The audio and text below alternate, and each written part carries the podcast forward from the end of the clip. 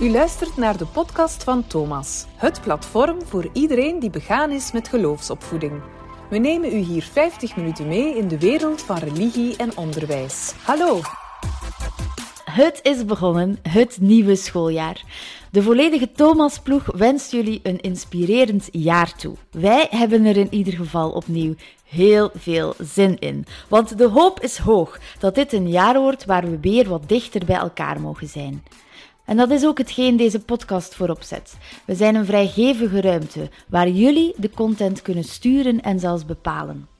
Een waaier aan thema's kunnen dus hier aan bod komen naar gelang de actualiteit en jullie suggesties van op de klasvloer, zolang er maar een link kan gelegd worden met het godsdienstonderwijs. Heb je een idee, deed je een leuk project of wil je iets kwijt aan onze luisteraars? Neem dan contact met ons op via thomas.kuleuven.be en dan komen wij tot bij jou. Voor deze tweede aflevering van de podcast van Thomas is wel wat afgereisd. Want vorig jaar, in dat gekke jaar waar niet al te veel te gebeuren stond en waar quarantaine, online lessen en alles van op afstand onze realiteit was, werd de allereerste editie georganiseerd van de Theo-Olympiade. Het thema was duurzame relaties. En in deze podcast van Thomas laten we de winnaars aan het woord, zodat we bij hen kunnen ontdekken wie ze zijn en wat hen dreef om mee te doen. Misschien ontfutselen we bij hen wel wat gouden tips of inspiratie om mee te doen met de editie van dit schooljaar. Dus eerst de winnaars van de vorige editie aan het woord. Drie categorieën, dus drie winnaars. We zochten ze allemaal op, van roeselaren tot tervuren, om hen praatruimte te geven en hen te laten vertellen over hun winnende inzending. Ook godsdienstleerkracht Eva Vromme wordt aan het woord gelaten en ze vertelt hoe zij met de Theo-Olympiade aan de slag gaat in de klas. Een hele boterham, dus laten we eraan beginnen. Maar eerst, beginnen bij het begin. Want wat is dat eigenlijk zo, een Theo-Olympiade? En waarom zou dat vandaag überhaupt nog relevant kunnen zijn voor alle leerlingen derde graad van het secundair onderwijs? Dat ging Thomas vragen aan de voorzitter van de jury, ererector van de KU Leuven, professor Vervenne. En helemaal op het einde van deze podcast, dat beloven wij jou, geeft hij nog de ultieme tip om te beginnen met het thema van dit jaar in onze klassen. Want het thema van dit schooljaar is niet zo evident koning David in de Bijbel en daarna. En zo gingen we met onze micro's naar het Grootbegijnhof in Leuven, naar het kantoor van professor Vervenne. Ik wou bij hem vooral peilen naar het gevoel dat hij overhield aan de eerste Theo-Olympiade. En af en toe kunnen we de vogeltjes horen fluiten vanuit zijn bureau. Dag allemaal. Hallo, waarom werd er eigenlijk een Theo-Olympiade in het leven geroepen? Ja, de Theo-Olympiade is een initiatief van de faculteit Theologie en Religiewetenschappen van de KU Leuven.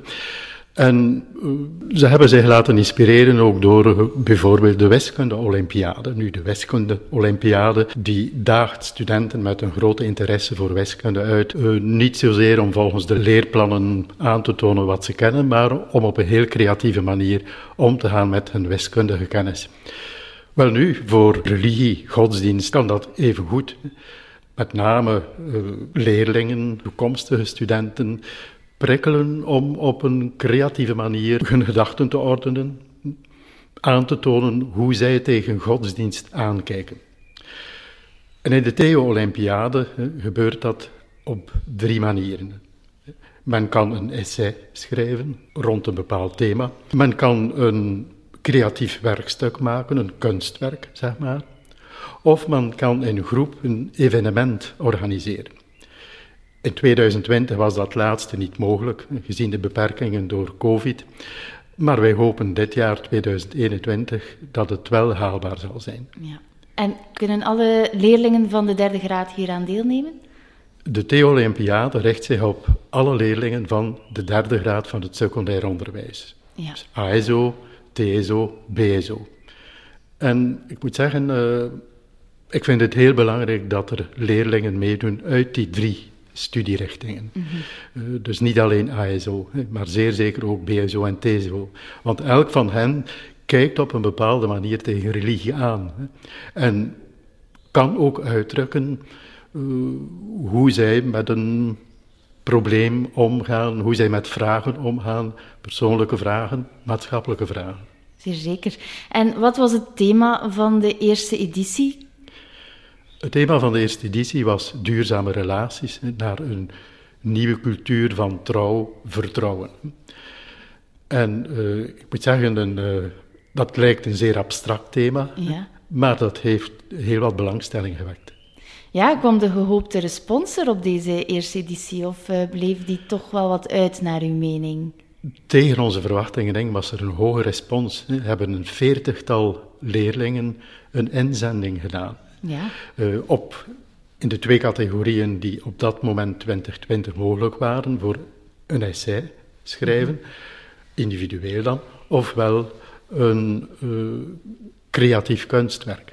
Ja, ja, en toch kreeg u ook een inzending voor een uh, publiek event of initiatief. Dat klopt, hè, dat klopt. Um, en we hebben met de jury dan uiteindelijk beslist, kijk, die inzending, die hoort daar echt thuis. Ja. En we vonden dat een fantastische inzending, omdat ze in de moeilijke omstandigheden door de pandemie er dan toch in geslaagd waren om, zeg maar, uh, COVID-veilig uh, mm -hmm. mensen te interviewen, mensen samen te brengen en daar een evenement uh, aangepast aan die situatie van te maken. En zo nodigde Thomas, Ibe en Anne uit om naar het hoofdkwartier van Thomas op de faculteit Theologie in Leuven te komen, namelijk onze Thomas Zolder. Zij zijn dus de winnaars binnen de categorie Publiek Event en Initiatief. De jury kreeg van hen een filmpje toegestuurd waar ze direct to the point komen van hun bevraging. Luister maar. Geloven jongeren nog in duurzame relaties? Willen jongeren nog steeds trouwen? En doen ze dit dan nog omwille van hun geloof? Of spelen eerder andere motieven een rol? Wat betekent trouw vertrouwen voor jongeren in menselijke relaties deze dag? En welke rol speelt vergeving nog in menselijke relaties? Wij zochten het uit. Dus Ibe en Anne kwamen naar de Thomaszolder, waar wij konden polsen naar hun enthousiasme en natuurlijk hun ontdekkingen tijdens hun project. Ze mochten dan wel hun leeftijdsgenoten over geloof en relaties bevraagd hebben, maar Thomas stelde eens die vragen aan hen terug. Zijn zij gelovig? En geloven zij in een duurzame relatie? Ze leggen het uit. Hier bij mij Ibe en Anne, hallo. Hallo. Hallo. Wetenschappen wiskunde, zesde middelbaar in DVM Humaniora in Aalst. Jullie zijn de winnaars binnen de categorie uitgewerkte concepten voor publieke evenementen en initiatieven. Dat is een hele mond vol. En de jury verwachtte dit jaar, door corona natuurlijk, totaal geen inzendingen binnen deze categorie. Maar toch vonden jullie de inspiratie om volledig digitaal 183, jawel, 183 jongeren te verrijken via uh, Zoom. 9 daarvan eh, via Zoom en 175 blijkbaar via Google Forms. En we kunnen dat resultaat uh, zien op Thomas en we gaan dat ook in onze show notes zetten, zodat de luisteraars natuurlijk naar jullie video kunnen kijken, jullie compilatie van jullie onderzoek. Jullie stelden vooral de vraag aan de jongeren rond geloven jongeren nog in duurzame relaties en hoe verhoudt zich dat tot het geloof? Boeiende vragen, moeilijke vragen, maar wel strafwerk al. Ik heb het uh, gezien, proficiat in ieder geval. Dankjewel. Ja, echt uh, verdiende, verdiende winnaars. Maar vertel eens, Ibe of Anne, zeg maar, hoe hoorden jullie over de Theo-Olympiade? Gingen jullie dan direct naar die categorie neigen of hoe is dat gegroeid? Vertel eens het uh, verloop. Um, dus onze leerkracht godsdienst had in de les verteld van er is sinds dit jaar een nieuwe Olympiade, de Thee-Olympiade. En dat is eigenlijk iets heel creatief, want het is dus een, uh, iets schrijven, um, een creatief werk maken, een evenement. En dat interesseerde ons wel eigenlijk direct, want dat is mm. helemaal iets anders dan de wiskunde-Olympiade. En ja, dat we waren echt direct heel erg geïnteresseerd. Ja, um, we vonden dat direct heel fijn, omdat we zelf ook heel creatief zijn, zoals dat Anne zei. En dan ja, waren we direct gaan zoeken van wat staat ons het meest aan. En dan waren we toch uiteindelijk wel geland bij zo de publiek evenement, omdat we toch wel heel sociale mensen en ook ja, mensen zijn die heel graag evenementen doen en organiseren. Dus vonden wij dit meteen wel echt een hele leuke categorie. Natuurlijk, door corona werd alles dan wel een beetje lastiger, maar dan zijn we toch zo creatief mogelijk uh, naar een oplossing gaan zoeken om toch nog in deze categorie iets te kunnen doen. En dat is zeker en vast gelukt. Want in jullie bevraging rond geloof in duurzame relaties in verhouding tot geloof zijn de cijfers echt op zijn minst merkwaardig te noemen. Hè. Drie vierden van de jongeren die jullie interviewden willen nog steeds trouwen. En zelfs 65 gaf aan gelovig te zijn. Ik schrik wel wat van die cijfers, maar ik vraag me ook af, vooral, hebben jullie zelf meegedaan aan die enquête? En uh, geloven jullie in duurzame relatie? Uh, Ibe, geloof jij in een duurzame relatie? En hoe, hoe zou jij die enquête hebben ingevuld? Uh, wij hebben ze zelf ook ingevuld, die enquête. Okay. Dat we onze eigen mening dus ook wel ja, belangrijk vonden. En ik geloof eigenlijk wel nog in duurzame relaties. En volgens mij hangt dat ook deels nog af omdat ik rondom mij ook heel veel duurzame relaties heb. Relaties die heel stevig en goed zijn. En ook uh, zoals mijn ouders en mijn grootouders, die, zijn allemaal nog getrouwd ook. Dus daarom geloof ik ook wel nog in trouwen en um, zo'n goede relatie. Dus ik geloof wel echt nog in duurzame relaties, ja. En je hebt zelfs direct ook goede bronnen, namelijk professor van Steenwegen heb jij kunnen, uh, hebben jullie kunnen interviewen. Dat is direct wel een kanjer, een hele grote naam. Wat heb je van hem geleerd? Ja, um, we waren ook heel blij dat we hem hadden kunnen contacteren en ja. dat hij wou meewerken met ons. Dus dat was wel, dat, daar waren we heel blij mee. Uh, wat hebben we geleerd van hem? Ja, eigenlijk nieuwe inzichten, ook hoe dat um, de oudere generatie op de jongere generatie kijkt. En heel veel tips ook van hem, hoe het wel kan werken. Uh, dat je er werk moet insteken in een relatie en dat het niet allemaal vanzelf gaat. En dus ja, van hem hebben we heel veel goede tips ook gekregen om een goede duurzame relatie op te bouwen. Ja, inderdaad. Ja, en nu over dat uh, gelovig aspect. Anne, ben jij gelovig? Uh, ja, ik ben gelovig. Um, ja, ik heb mijn communie gedaan en mijn plichtige communie. Dus eigenlijk ben ik christelijk, uh, maar ik en katholiek dus. Maar uh, ik ga elke zondag ook naar de protestantse kerk. En we hebben Peter Smits geïnterviewd. En dat is dus de dominee van mijn kerk. En uh, ja, dus ik ga daar elke week naartoe. Dus ik noem mezelf wel gelovig. Um, maar ik, ik zou niet kunnen zeggen of dat ik meer protestants ben of meer katholiek. Mm -hmm. um, ja, maar alleszins, ik voel me wel gelovig. Ja, en zijn er anderen in jouw klas die ook zo uitkomen voor hun geloof? Of ben jij een van de enigen? Um, ik denk in onze klas dat er wel veel gelovigen zijn, maar eerder uh, op het vlak van op kerstmis ga ik naar de kerk, mm -hmm. uh, bij Pasen ga ik naar de kerk. Ik denk niet dat er zoveel uh, bij ons in de klas zijn die echt elke week, uh, zoals mij, naar de kerk gaan. Mm -hmm. Goed. Bedankt al, dat is ja, eerlijke antwoorden. Welke cijfers hebben jullie het meest verrast in jullie onderzoek? Uh, bij mij eigenlijk de cijfers van het trouwen. Um, dat nog zoveel mensen eigenlijk willen trouwen en toch wel die eeuwige liefde eigenlijk verklaren aan elkaar. In de kerk dan ook vaak nog. Um, dus dat heeft mij eigenlijk wel verrast dat zoveel mensen dat nog willen doen en daar nog voor openstaan. Zou je zelf willen trouwen, Ibe?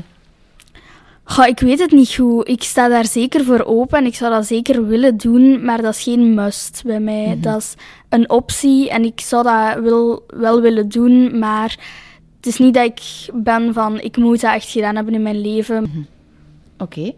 En jij, Anne, van welke cijfers viel jij van jouw stoel? Uh, ik vond wel dat er precies heel veel jongeren nog gelovig waren. En dat zie je toch niet zo vaak meer. Um, er volgen wel natuurlijk godsdienst, dat wordt vaak gevolgd op school. Maar ik heb toch niet zo het gevoel dat, dat zoveel jongeren echt gelovig zijn. Anne en Ibe, mocht je opnieuw meedoen aan de Theo-Olympiade, wat zouden jullie anders aanpakken?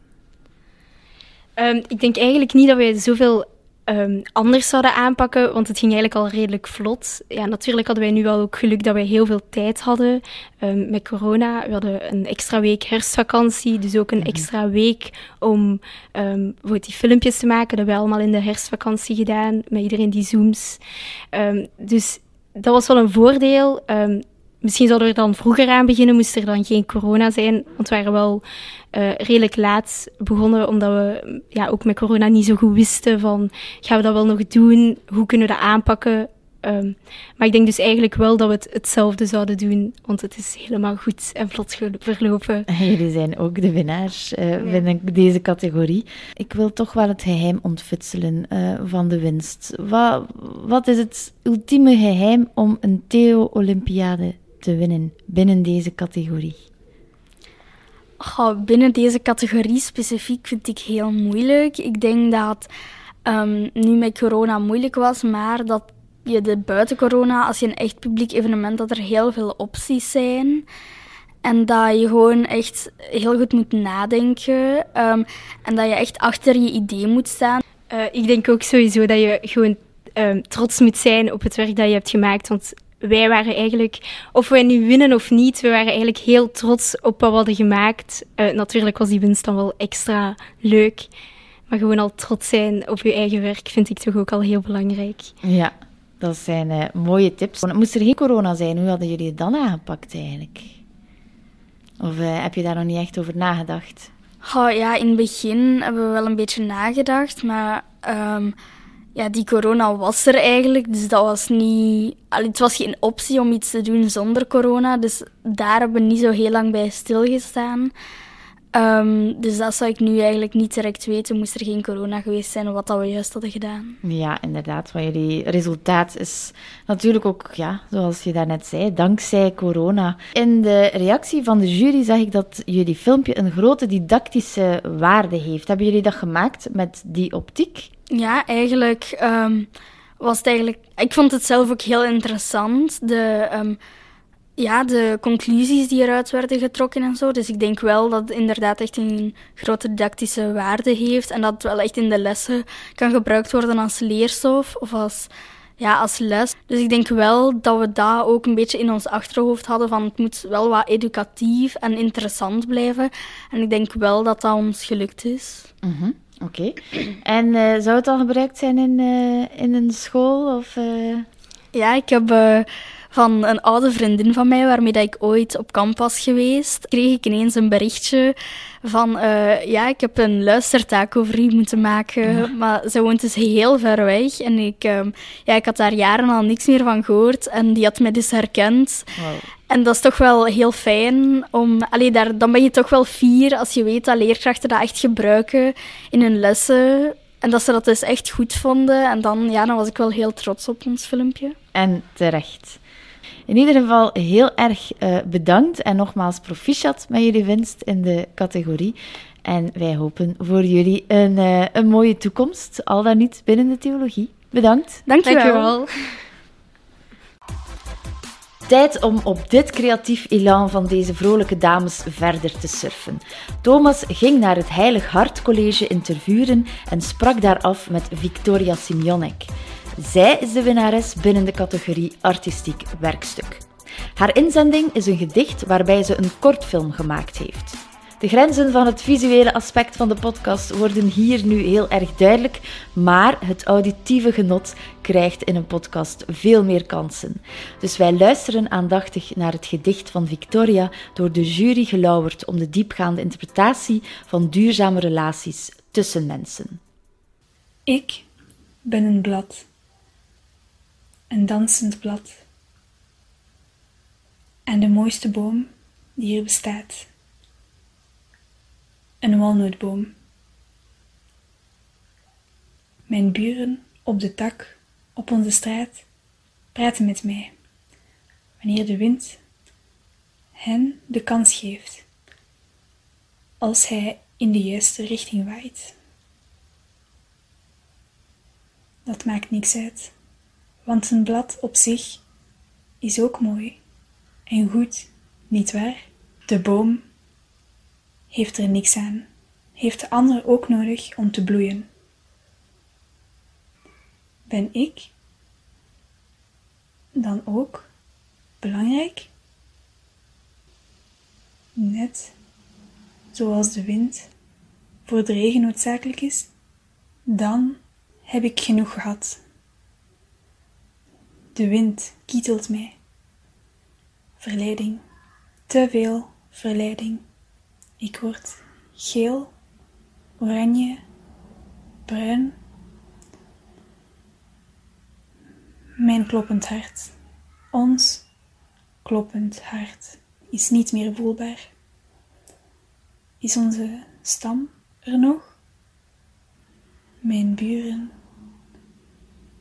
de blaadjes, de wind. Ik, ik voel me alleen. Wat doe ik hier? Genoeg. Genoeg. Nu. Laat me toch. Genoeg. Zij het blad. En het viel van de boom. Hoe kan ik? Wacht, ik ben een blad, een sociaal organisme. Gemaakt door de liefde, door hem.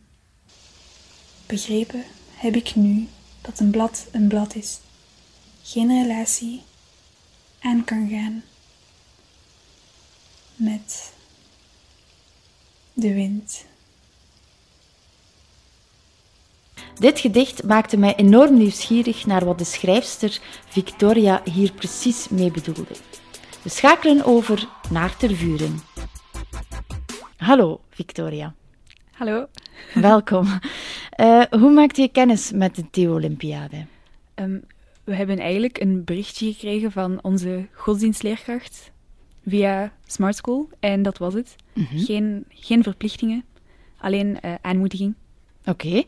En uh, ik heb gelezen, uh, op de Thomas-website staat dat, er staat er al een interview met jou, dat je direct na het lezen van dat berichtje uh, en ook direct na het horen van het thema van de Theo-Olympiade bent beginnen schrijven aan het gedicht. Dat klopt nog steeds. Het klopt zeker. Zijn er nog anderen van de klas die meegedaan hebben? Of van de school? Ik denk dat ik de enige was. Oké. Okay. ja. Ja, dus jij, zit, uh, jij zat in het uh, Heilig Hart College in Tervuren. En zeg eens, het horen van het thema, namelijk duurzame relaties, welke um, impressies kreeg je? Welke weg wou je uitgaan? Was het direct, lag het uh, gedicht er direct, of heb je daar toch wel veel werk aan gehad of nagedacht? Het gedicht kwam eigenlijk, verrassend genoeg, echt vanzelf. Mm -hmm. Het was het eerste wat in mij opkwam toen ik... Um, uh, het begrip duurzame relaties hoorde. Ik heb het wel vrij breed geïnterpreteerd, denk ik. Ja. En ik heb het ook gewoon direct opgeschreven. Ja, man. Uh, een talent hier voor mij. Dank je wel. Uh, tof. Uh, maar hoe koppel jij dit gedicht aan duurzame relaties? Want ik zal een aantal uh, stukken lezen, namelijk eigenlijk het begin. Ik ben een blad, een dansend blad aan de mooiste boom die bestaat. En dan gaat het over een walnootboom. Mijn buren op het dak in onze straat praten met mij wanneer de wind hen de kans geeft, als hij in de juiste richting draait. Uh, hoe koppel jij, dat is natuurlijk nog maar het begin, hè, maar hoe koppel jij dit aan duurzame relaties? Um, ik zag en zie mensen als um, ja, één geheel eigenlijk, soort van. Dus mm-hmm. iedereen is, zijn, is zichzelf een blad. Um, allemaal wel ja, net noodzakelijk voor de boom zelf om te kunnen overleven. Ja. en dus als mensen hebben we elkaar nodig. Mm-hmm. als mensen horen we allemaal tot verschillende groepen, mm-hmm. zeg maar, verschillende bomen. En we beïnvloeden allemaal elkaar. En we hebben allemaal iets met elkaar te maken. En zo kwam ik tot een boom als metafoor voor relaties tussen mensen. Die symboliek daarvan vertrekt vanuit een christelijke inspiratie, las ik ook op Thomas bij de interpretatie van het gedicht dat je meegaf. Ben je dan gelovig? Ja, ja ik ben gelovig. Oké. Okay. En hebben de lessen godsdienst uw geloof versterkt of beïnvloed? Um, de afgelopen jaren had ik wat moeite met de manier van um, lesvolgen bij ja, de godsdienstlessen dus. Um, maar het afgelopen jaar zelf heb ik iets gewoon... Plots klopt het gewoon. Heb Ja. ik gevoeld dat het een andere aanpak was. Dat het meer aansloot bij wat ik er zelf van vond. Dus eh, zeg maar bijvoorbeeld de Bijbel zelf lezen, die eigenlijk niet historisch bedoeld is, maar als veel wijsheden waar we uit kunnen leren. Mhm. Is er een bepaald Bijbelverhaal dat u je nog herinnert uit uw lessen godsdienst? Ja, er waren er wel een aantal. Mhm. Ehm, ja, bijvoorbeeld het verhaal met de talenten. Ja. dat iedereen iets krijgt en Mhm. zelf kan beslissen wat hij ermee gaat doen. Het bijhouden of het verspreiden en nog meer goede dingen doen op de wereld. Ja, jouw talent ligt bij schrijven, maar dat zal maar één van uw, talent, uw vele talenten zijn, eh, heb ik de indruk. Doe je daar verder nog iets mee? Er liggen overal in mijn kamer papiertjes en blaadjes met van alles opgeschreven, getekend. Ehm, het is geen eh, vaste hobby eigenlijk. Het, vloeit er gewoon soms uit. Ah ja, ja. Wow. eh, en direct al van hoog niveau. Ik heb nog een moeilijke vraag, maar ik denk dat jij die wel. Eh, dat, dat je daar zeker en vast een visie op gaat hebben. Want poëzie en mystiek, je hebt het bewezen in jouw eh, werkstuk, zijn heel dicht met elkaar eh, verbonden. Maar hoe zou het komen eigenlijk dat duurzaamheid zo'n heel sterk ecologisch thema is vandaag, maar wel heel hard onder druk staat in menselijke relaties? Heb jij daar als 18-jarige een antwoord op?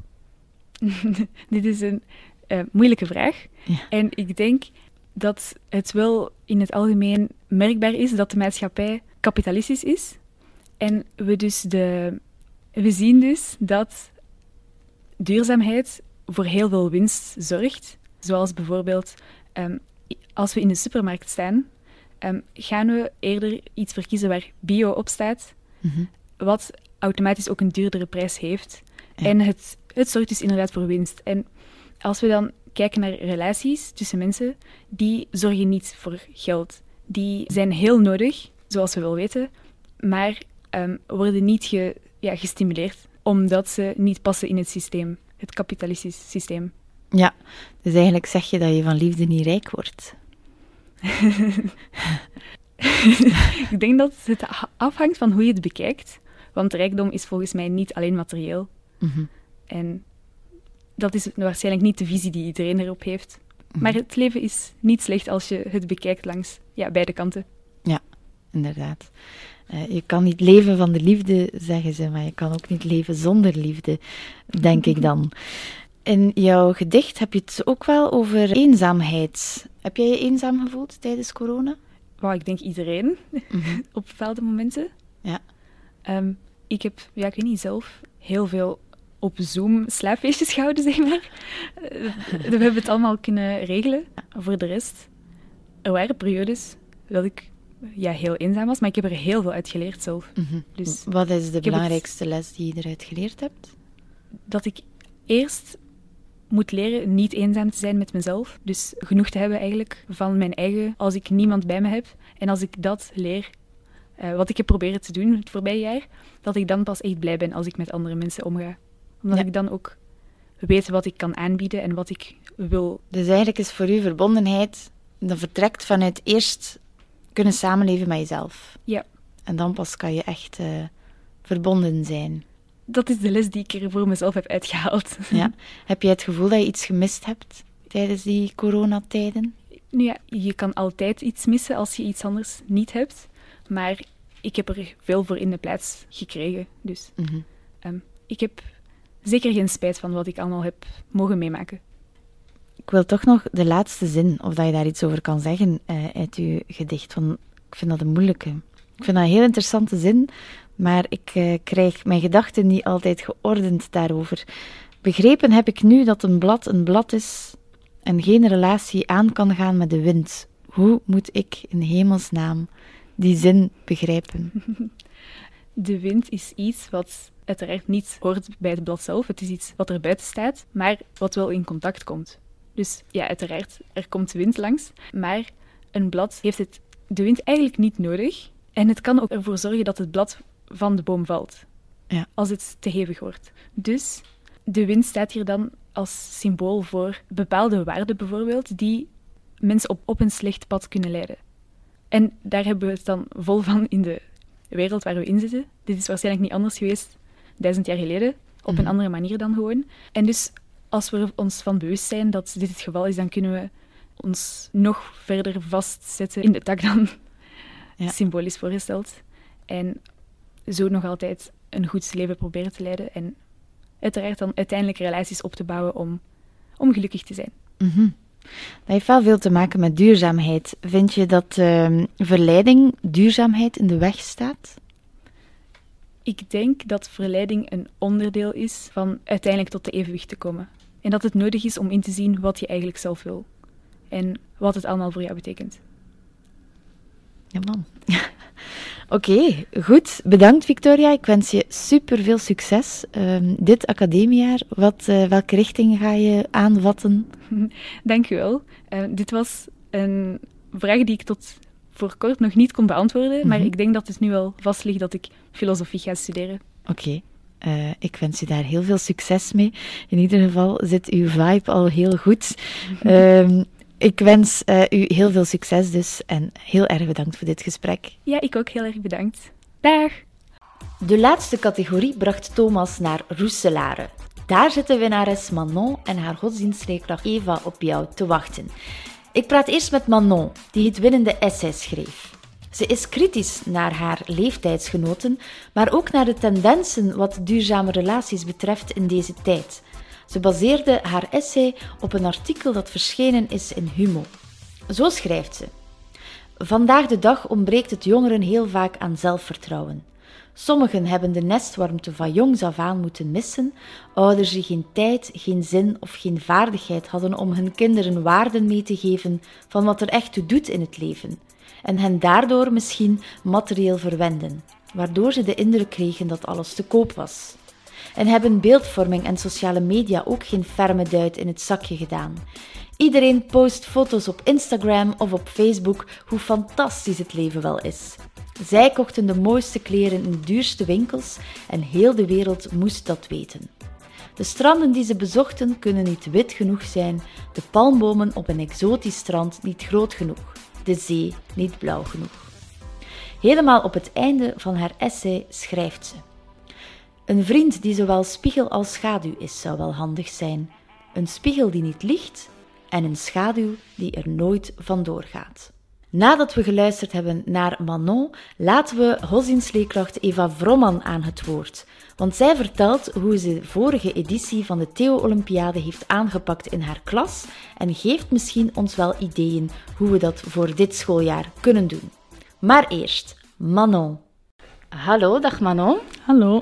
Hoe hoorde jij over de Theo-Olympiade?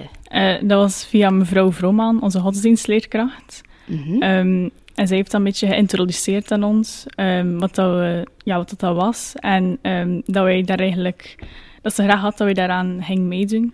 Ja, oké. Okay. En dacht je direct van ja, ik wil hier aan deelnemen? Uh, of wat, moest je toch nog een beetje uh, overtuigd worden? Ja, ik moest wel een beetje overtuigd worden, omdat wij sowieso al veel schoolwerk hebben. En ja, ja dan nog een keer een essay schrijven of iets anders doen. Ja, maar mm. voor de rest, ik was wel redelijk enthousiast. Ja, en ze heeft drie categorieën voorgesteld die mogelijk waren. En jij ja. koos daar dan een essay uit.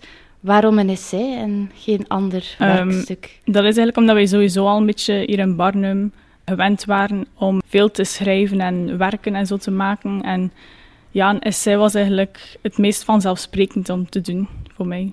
Ja, ja. En we kunnen jouw tekst lezen. En jouw tekst geeft een beschouwing van maatschappij, jongeren en relaties. dat was het thema. En ik vind dat jij heel kritisch bent tegenover jouw leeftijdsgenoten en tendensen van deze tijd. Hebben jouw leeftijdsgenoten jouw essay gelezen? En wat waren hun reacties? Ja, er is één vriendin die het, dat, vooral ik weet dat zij het gelezen heeft. En zij was wel redelijk enthousiast. En ze vond het mooi geschreven en zo. En mm -hmm. ja, ja, dat was uh, effectief zo. En dan heb je er ook nog uh, moderne muziek aan gekoppeld. Mm -hmm. uh, kwam dat, ben je echt op zoek gegaan naar die nummers? Of waren eerst de nummers er en dan je tekst? Of eerst um, je tekst en dan de nummers? Die nummers kende ik sowieso al.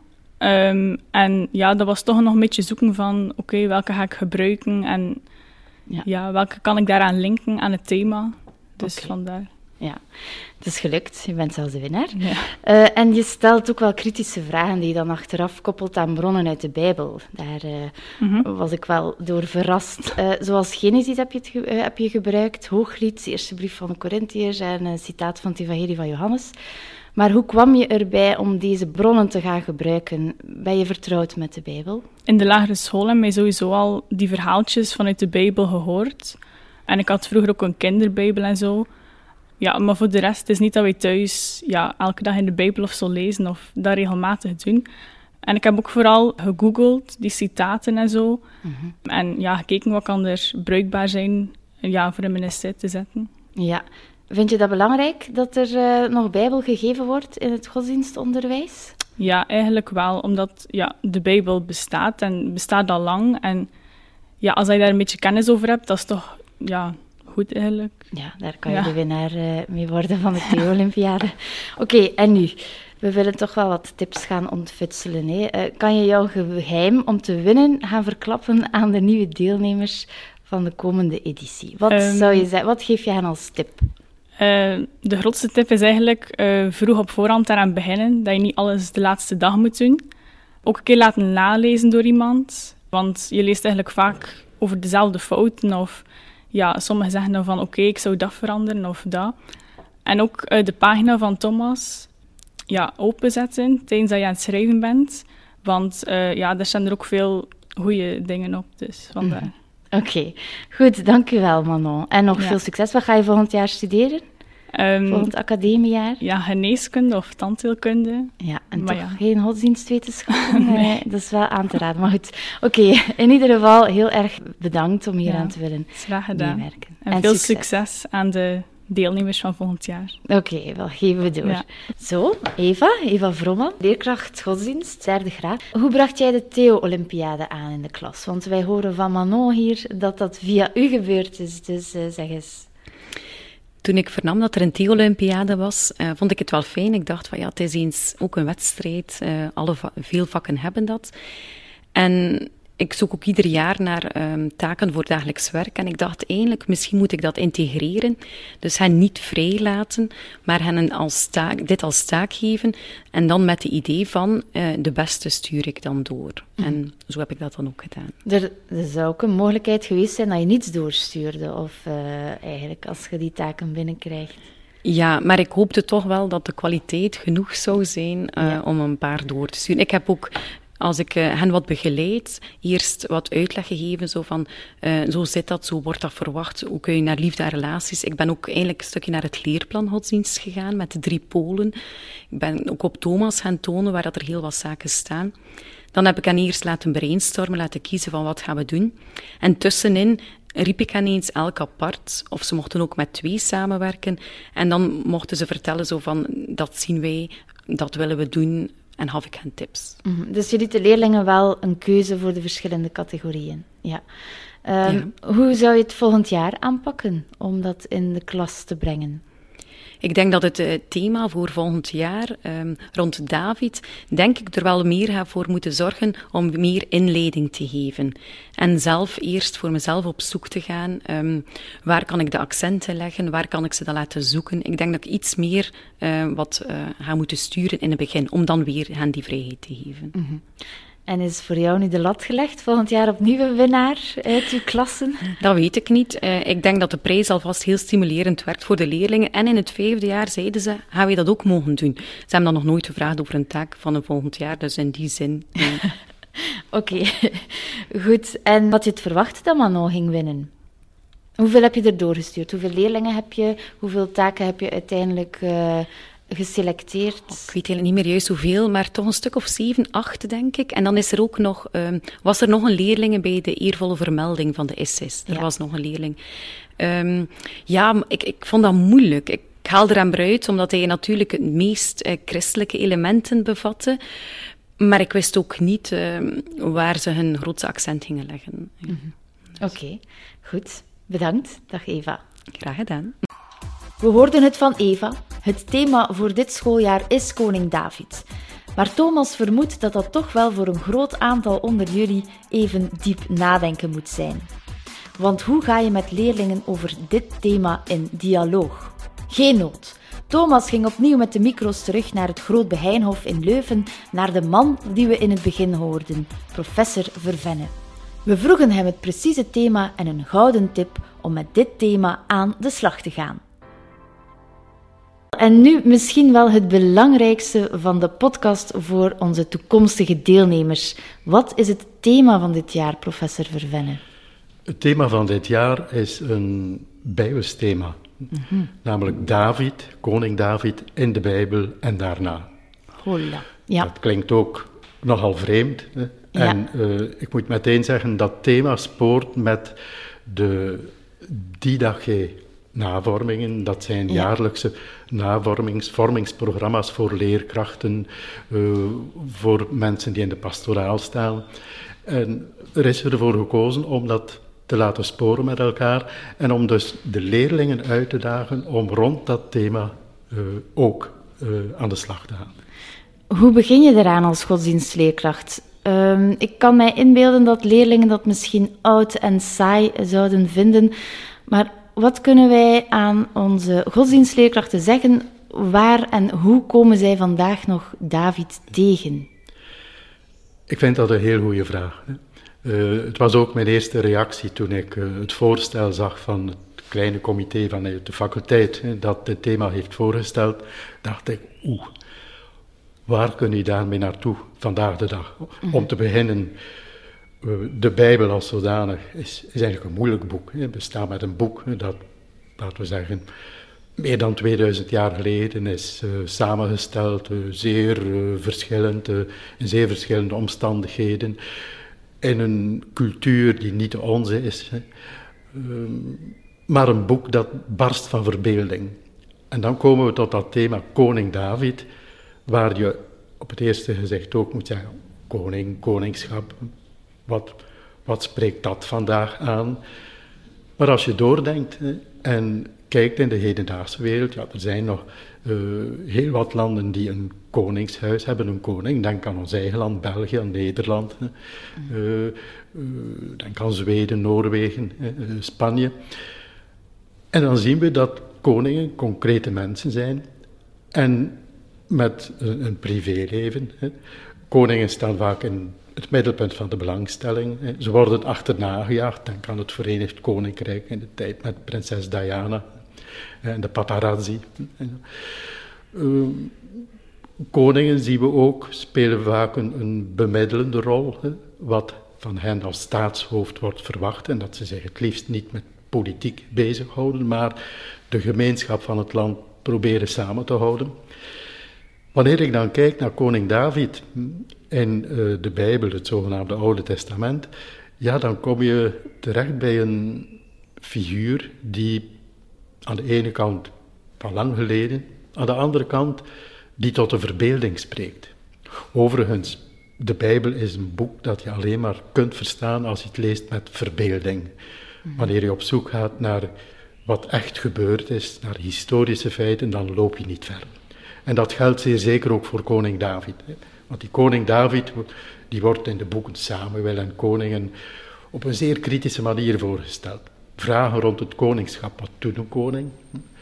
Eh, die David, die uh, uh, ja, als een held wordt ten tonele gebracht. De David en Goliath, die de reus overwint. De herdersjongen. Maar dan koning David, die de vrouw verleidt van een van zijn oppergeneraals, die hij op een deftige manier laat liquideren. En dan heb je daarnaast het boek Chronieken, dat een veel later boek is, dat David ophemelt. Bijna een heilige van hem maakt.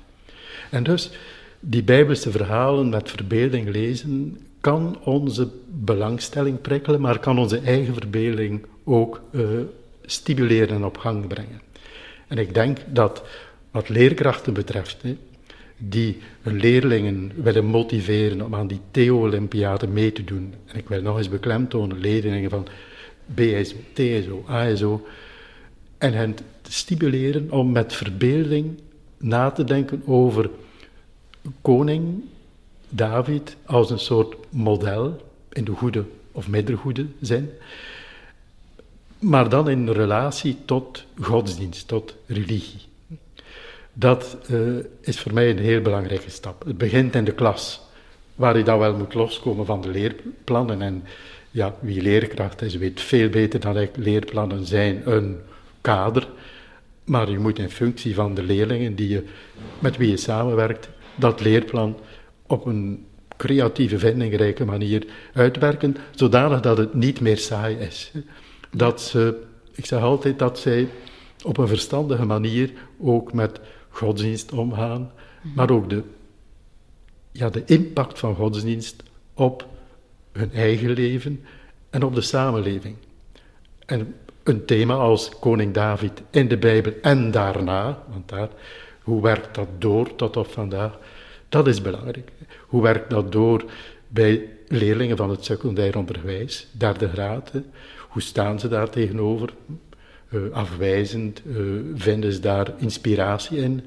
Uh, kunnen ze dat op een zelfstandige manier iets mee doen? In een tekst, een essay, in een creatief kunstwerk? Hè?